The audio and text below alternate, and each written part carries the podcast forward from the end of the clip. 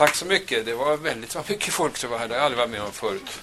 På sådana här smärre tillställningar i alla fall. Jag heter alltså Ernst Nyström och är professor i medicin och speciellt intresserad av hormoner. Men min själ och kropp är splittrad för jag tycker också väldigt roligt med informativ verksamhet och så vidare. Hålla på och klargöra saker och ting. Och det är därför jag kom in på det här speciella ämnet. Eh, för jag fick uppgift i samband med, jag tror det var Vetenskapsfestivalen, och ta fram någon som kunde berätta om kärlek och hormoner och såna här grejer. Jag hittade ingen och då slutade det som vanligt med att jag fick göra det själv. Och eh, då läste jag in lite av ämnet och då tyckte jag det var väldigt fascinerande samtidigt som det var väldigt mycket annat att göra också. Så att eh, det, jag har inte forskat själv speciellt mycket annat än då, som vi alla gör på personliga planet, lite grann då och då när det gäller kärlek och attraktion och partnerval. Eh, jag skulle berätta både om medvetet och omedvetet. Jag brukar mest berätta om det här med det lite omedvetna, men eh, vi kan diskutera lite grann faktiskt om det medvetna valet. Ett sådant val eh, har vi ju hört talas om, känner vi till sedan länge och det är det som delvis går i andra kulturer än vår egen. Där familjen väljer ut en partner, oftast är det då till flickan förstås, och väldigt, väldigt tidigt. Det är ju väldigt mycket ett arrangerat, ett planerat partnerval, ett medvetet partnerval. Man kan fråga sig, är det ett olyckligt val alltid? Nej, det tror jag inte faktiskt. För jag tror att väldigt mycket, och det erfar man ju när man tänker på sig själv och eh, på andra par, att väldigt mycket av attraktionen är ju något som växer fram när man bygger något tillsammans och lever tillsammans under många år. Så det behöver ju inte alls vara för att det är ett arrangerat förhållande något som går fel. Eh, nu för tiden har vi ju andra medvetna partnerval och jag tänker framförallt på det här som kommer ut på nätet. Där det är väldigt många som träffas eh, den vägen. Eh, jag kommer ihåg när jag började läsa eller gick som underläkare i Göteborg och slavade med jourer och så vidare och sen skulle ut på något som heter Klubb Akadem. Dödstrött på kvällarna för att välja en partner. Det bara inte gick. Men mina kollegor nu, de som sliter och har sig, när de har blivit ensamma ibland, förhållanden kan ju brista, så visar det sig att de använder nätet och dyker upp med väldigt lyckade val. Här är det väl i alla fall ibland så också att det kan komma fram att man kan vara ganska krass när man väljer partner medvetet.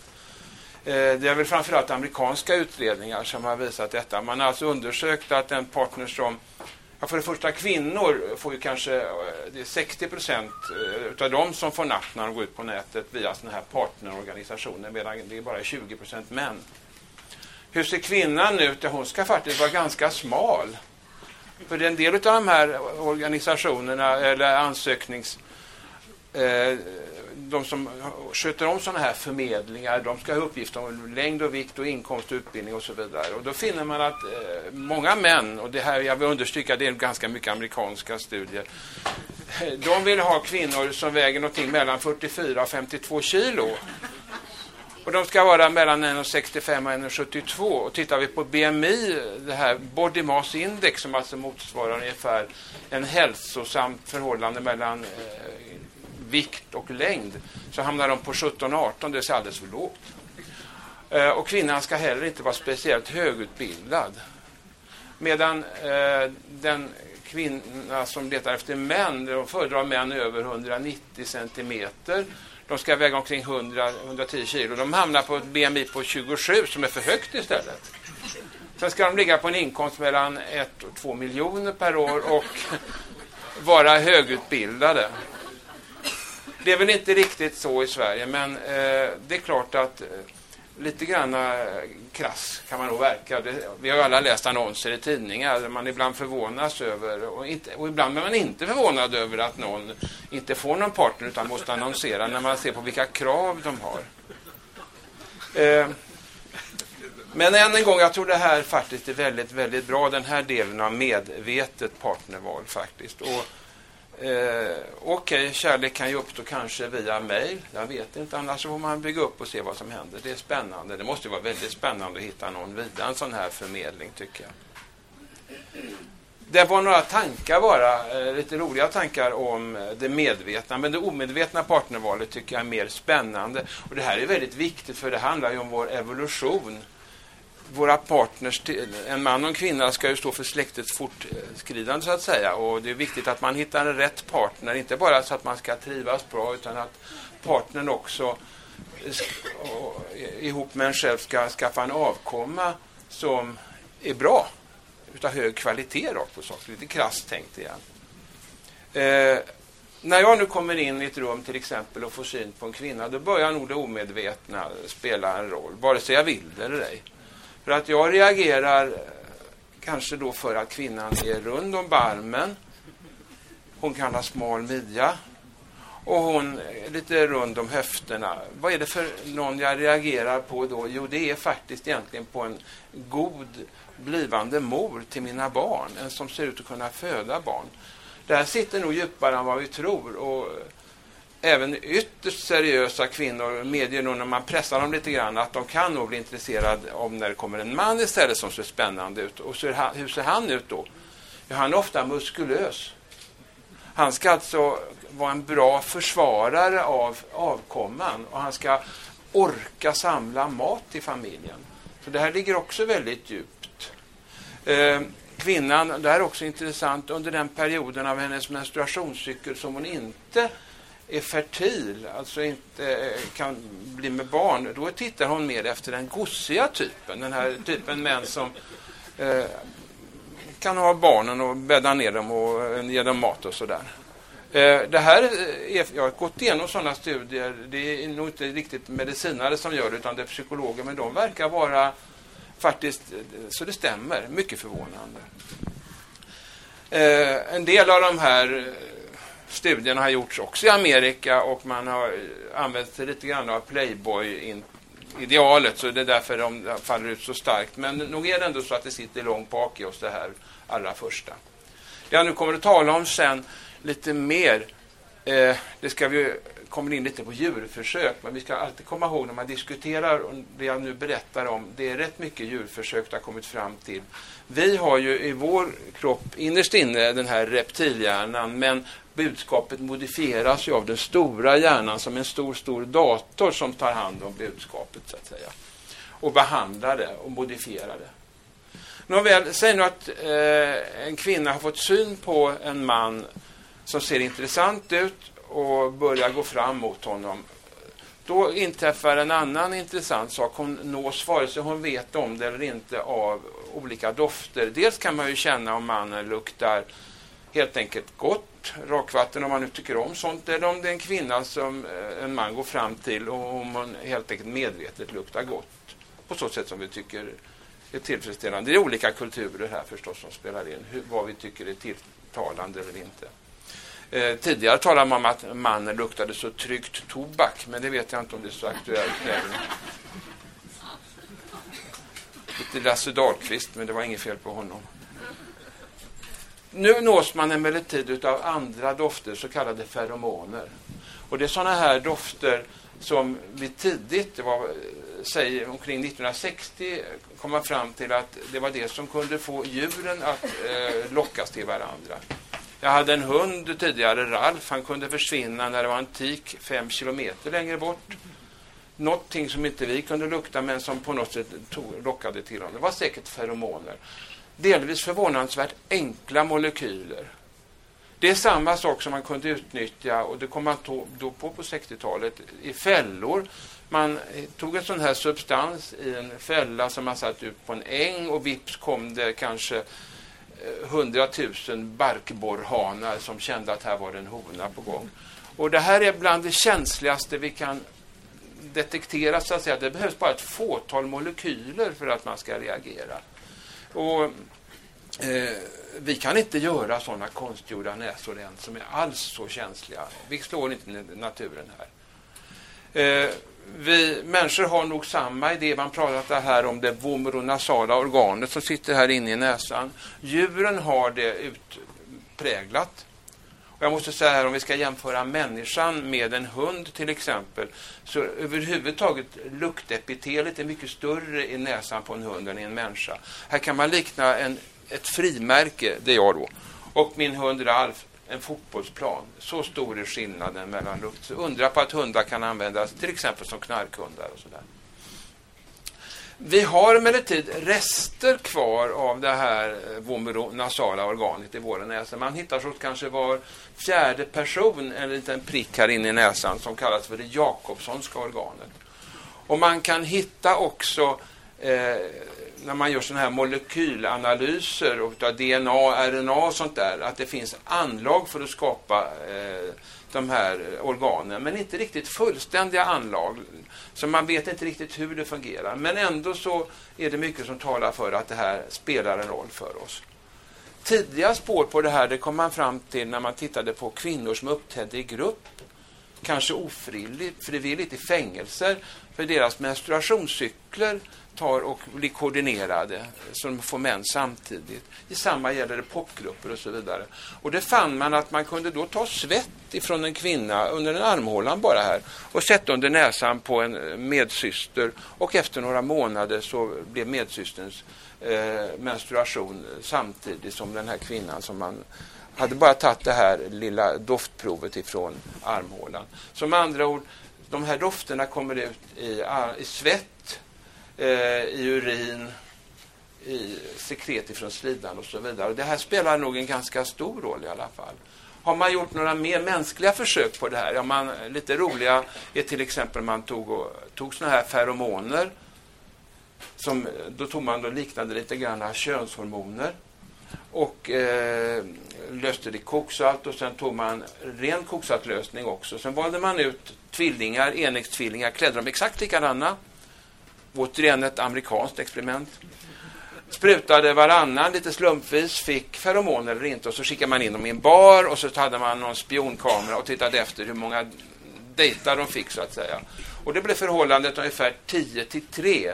Och den som hade haft tur då att få feromon eh, i sin spray, hon fick då 10 killar som kom fram och var intresserade. Så det här spelar alltså roll. Eh, och man har gjort andra liknande experiment. Eh, man kan också ha gjort experiment på liknande sätt. En del killar är ju mer framgångsrika än andra när det gäller kvinnor. Det är nog bara så. Då vet man att om man låter en sån kille ha en jättetuff skinnjacka och, men tar man och lånar ut den då till andra medbröder, då blir de plötsligt framgångsrikare. Så har de hans doftbudskap med sig. Nu spelar det här ju också ännu lite större roll än bara att locka oss till varandra.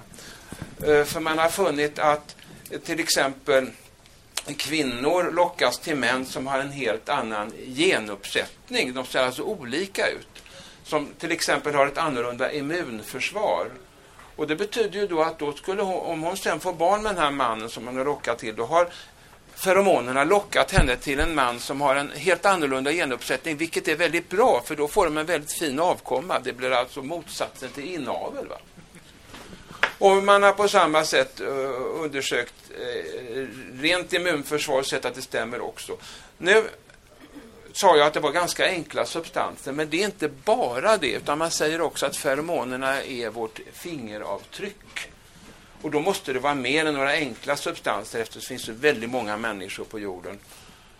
Då har man knutit det snarare då till de här transplantationsantigenerna, det vill säga ni vet man kan ta reda på en vävnadstyp för varenda människa och så inför en transplantation. Och då kan man ju alltså, eh, det finns kanske bara en på hundratusen som passar ihop. Och då har man funnit att samma form av mekanism tycks spela in här lite grann när det gäller feromonerna. Alltså samma sak, substanser som man testar för på Sahlgrenska för att en individ kan transplanteras. Samma mekanismer går in när det gäller att skapa feromonerna också. Det man kan kalla för HLA-systemet. Och det kallas H står för human och L står för vit blodkropp, leukocyte. Och så A är antigen som har då med antikroppar att göra. Så här ser vi hur transplantation kopplas eh, med feromonerna. Det är spännande. Nåväl, nu går vi fram till den här. Nu börjar man bli lite intresserad. Och då träder andra roliga saker igång för att man får liksom en kick på något sätt så skapar det här totala eh, synintrycket, doftintrycket med mera, och nu kommer det också till kultur och sånt, jag kommer strax in på det, en riktig bombardering av hjärnan om man tänder till. Och då kommer det någon form av morfinliknande substanser som gör att man får en riktig kick. Man blir alltså eh, nästan som förändrad. Och det kan som har blivit, varit kraftigt förälskade och det har alla varit någon gång vet att det är en verklig, verklig kick detta. Någon form av faktiskt morfin. Sen kommer också ett annat ämne igång som heter fenyletylamin. Och det tillhör partydrogerna, ni vet ecstasy och samma, eh, andra liknande droger. Det här som tyvärr man äter på ravepartys och liknande. Och då, eh, man får alltså någon sån rave-liknande kick om man får uttrycka sig så. Eh, det här fenyletylamin det nämner man mycket till exempel i Discovery som har långa, ni vet den här tv-kanalen som har långa intressanta program och serier om just kärlek. Eh, man ska väl ta en del av det med lite med en nypa salt. För att eh, när jag gick in och tittade på medicinska databaser så hittade jag väldigt, väldigt lite skrivet om det. Och, eh, så det är väl lite spekulationer, men visst är det kul att spekulera när det gäller kärlek. Det ingår i choklad det här också. Det älskar chokladfabrikanterna framhålla. Men tråkmånsarna säger att det är för lite fenyletylamin. Nu får vi i alla fall en kick. Det sker saker med stresshormoner och en del av oss vet ju att man eh, reagerar som vid verklig stress. Hjärtat bultar och, och, och, man blir eh, blek och röd om vartannat och ögonen ändrar lite karaktär. Och, läpparna blir röda och så vidare. Det är delvis stresshormoner kommer in. Det kommer också in dopamin, som väl inte riktigt kan sägas vara ett stresshormon. Och eh, hormonbilden blir liknande den som man finner ibland hos personer som har sådana här kontrollbehov. Ni vet, eh, min dotter till exempel, hon rusar alltid, ska, har vi släckt ljuset, vi går tillbaka, nu är nog pannan är nog på, spisen är på, vi får gå in igen. Ni känner igen där, eh, samma hormonmönster. Det här eh, kolossala kontrollbehovet eh, finner man eh, hos då de som är riktigt kära. Och det stämmer ju. Är man riktigt kär så tänker man ju ständigt på den här personen. Timma ut och timma in. Eh, det händer en hel del annat. Det händer i hjärnan. Och Det här är väldigt spännande. Man kan alltså titta i hjärnan nu hur vissa delar börjar arbeta. Det kan man titta dels med magnetkamera men även faktiskt med en mer klassisk röntgen metodik som heter datortomografi. Man kan se med vissa former av datortomografi och med magnetkamera var hjärnan arbetar. Och då kan man alltså till exempel visa en bild för en kvinna av hennes barn. För jag pratar även om sån kärlek nu. Och då börjar de här delarna arbeta i hjärnan. Sen kan man visa andras ungar och då händer det inte så mycket. Va? Och man kan ta och visa upp för en kvinna hennes partner och partners bäste vän och eh, om nu är allt som det ska vara så börjar det glöda när hon ser på bilden av sin partner men inte vännen. Hoppas vi. eh, sen är det ju så här, jag pratar lite grann om knark och knark, morfin, det, så småningom kräver man mer och mer och till slut så blir man tillvand. Och vi pratar, har ju hört talas om på engelska seven year itch att inte Maurits som sitter där borta var seven year itch, vad heter det på svenska? Han har inte råkat ut för det. Så. Nej, men man blir, kan bli lite trött kan man tycka ibland. Men då är det så att vi har andra mekanismer som träder in. Och det här är väldigt spännande. Nu kommer vi in på hypofysen, mina älskade hormoner här uppe. Och eh, då är det faktiskt så att man har gjort försök med ett litet djur, präriesork. Och präriesorken finns i två varianter. En som bär sig åt som folk ska göra, det vill säga han träffar en liten eh, sorkflicka och hon får syn på honom, genomgår puberteten, det tar 24 timmar. Och sen så gör de ja, barn, kan jag säga. Typ, för. Och det är ju väldigt trevligt uppträdande, tycker vi alla, för de håller nämligen ihop resten av livet. Men det finns en variant här, en promiskuös variant, som träffar en hona och sen nästa och sen nästa och bärs åt som man absolut inte ska göra. De har funnit ett biokemiskt mönster här. Det finns nämligen hypofyshormonet vasopressin. Och den här eh, speciella varianten som är promiskuös saknar mottagare för, för vasopressin i sin hjärna. Och eh, tar man däremot den här eh, killen som, den här sorken som verkligen förmår hålla ihop en familj och håller borta honom från den här honan så att de inte kan para sig. Då blir han också promiskuös. Men sprutar man honom med vasopressin så blir den här eh, trogna varianten trogen resten av livet trots att han inte fick betäcka, eller vad det hette, sin lilla sorkflicka. Då kan vi tänka på den här killen, den här sorken som nu var promiskuös från början, som saknade mottagare i hjärnan för den här substansen vasopressin. De har faktiskt kunnat spruta in mottagningsceller i hjärnan på de områden som är viktiga. Och vips så blir den här mannen, eller råttan, eller sorken som det var, i, försvinner hans promiskuitet. Han börjar hålla ihop med sina eh, flickor. Det är första gången att man har med sån här eh, teknik kunna påverka en individs beteende. Det är helt unikt. Det är alltså Nobelpristagarklass på detta och detta är sanning. Man har alltså använt tekniker som liknar de här som man har när man klonar möss och så vidare. Får in olika arvsanlag. Och när jag berättade om det här med magnetröntgen och så vidare, hur man kunde se vad hjärnan arbetade. Det visade sig att just de arbetarna, äh, områdena i hjärnan, de områdena har just mottagarna för vasopressin. Och honan har ett annat liknande hormon som heter oxytocin.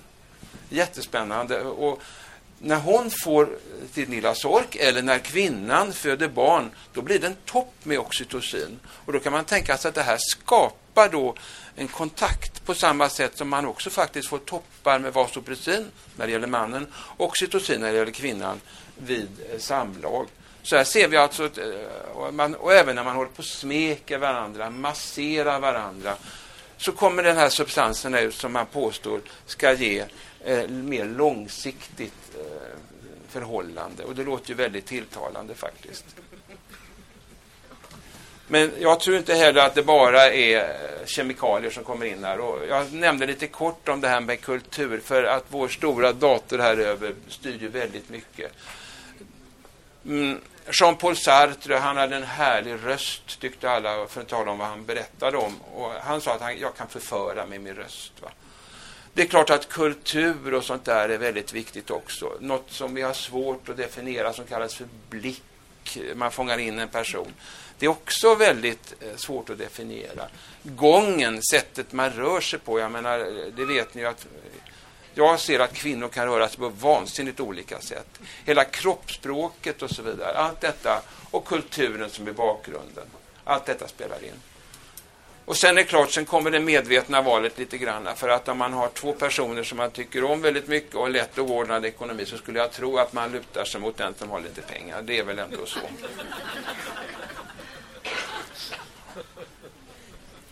Jag ska inte berätta historien om operasångaren som vaknade på morgonen efter bröllopsnatten och bad sin hustru sjunga.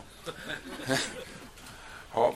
Nej, men så här är det. Eh, det är alltså många faktorer som kommer in. Jag har nämnt alltså feromoner där rollen är lite osäker. Jag har nämnt fenyletylamin, chokladkemikalien eh, som tillhör den här partydrogsgruppen. Jag har nämnt hur eh, våra stresstransmittorer, eh, överföringssubstanser förändras.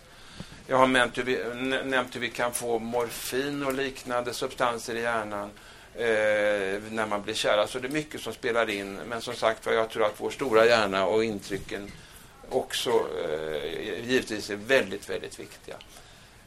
Jag nämnde också lite grann om att inte bara kärleken till eh, mannen respektive till kvinnan utan kärleken till barnen och tvärtom som är väldigt viktigt. Eh, man har ju funnit, till exempel när man tittade på de finska krigsbarnen, att de får inte väl av att komma ifrån mamma. Och man har gjort försök med, ganska grymma försök, till exempel när man hade en litet en liten, om det nu var schimpansunge eller jag kommer inte ihåg, men som hade att välja på antingen så fick den en flaska med mjölk eller också en gosig, gosig liten docka som var mjuk. Och då frågar man vilket ville barnet, den här lilla schimpansungen, helst krama? Flaskan eller den mjuka mamman och barn. Den här schimpansungen valde alltid det mjuka. Närheten till något som var mjukt och gott. Lite massage kan man kalla det för. Eh, så att vi börjar mer och mer förstå att den här forskningen som absolut inte är prioriterad i dagens läge, eh, den är väldigt viktig. Och vi har ju idag daghemsbarn, vi har barn som är helt föräldralösa efter fruktansvärda krig. hur ska vi ta hand om dem bra? Ja, här får vi lära oss mycket av kärleksforskningen faktiskt. Vad den har visat. Så att jag hoppas ju att det i framtiden kommer att bli betydligt hårdare satsning på detta och på kärlek människor emellan än vad det är idag. För att eh, de barn som inte får kärlek av sina föräldrar eller av omgivningen på annat sätt, de barnen går det illa för. Och det ser vi ju ja, senast idag spår för faktiskt. För barn som har vuxit upp fel i en kärleksfri miljö spårar ut katastrofalt. Så det var ett allvarligt budskap som jag slutade med. Jag har ingen aning om hur länge jag har talat. Och det var nog rätt lagom. Okej, okay. tack så mycket.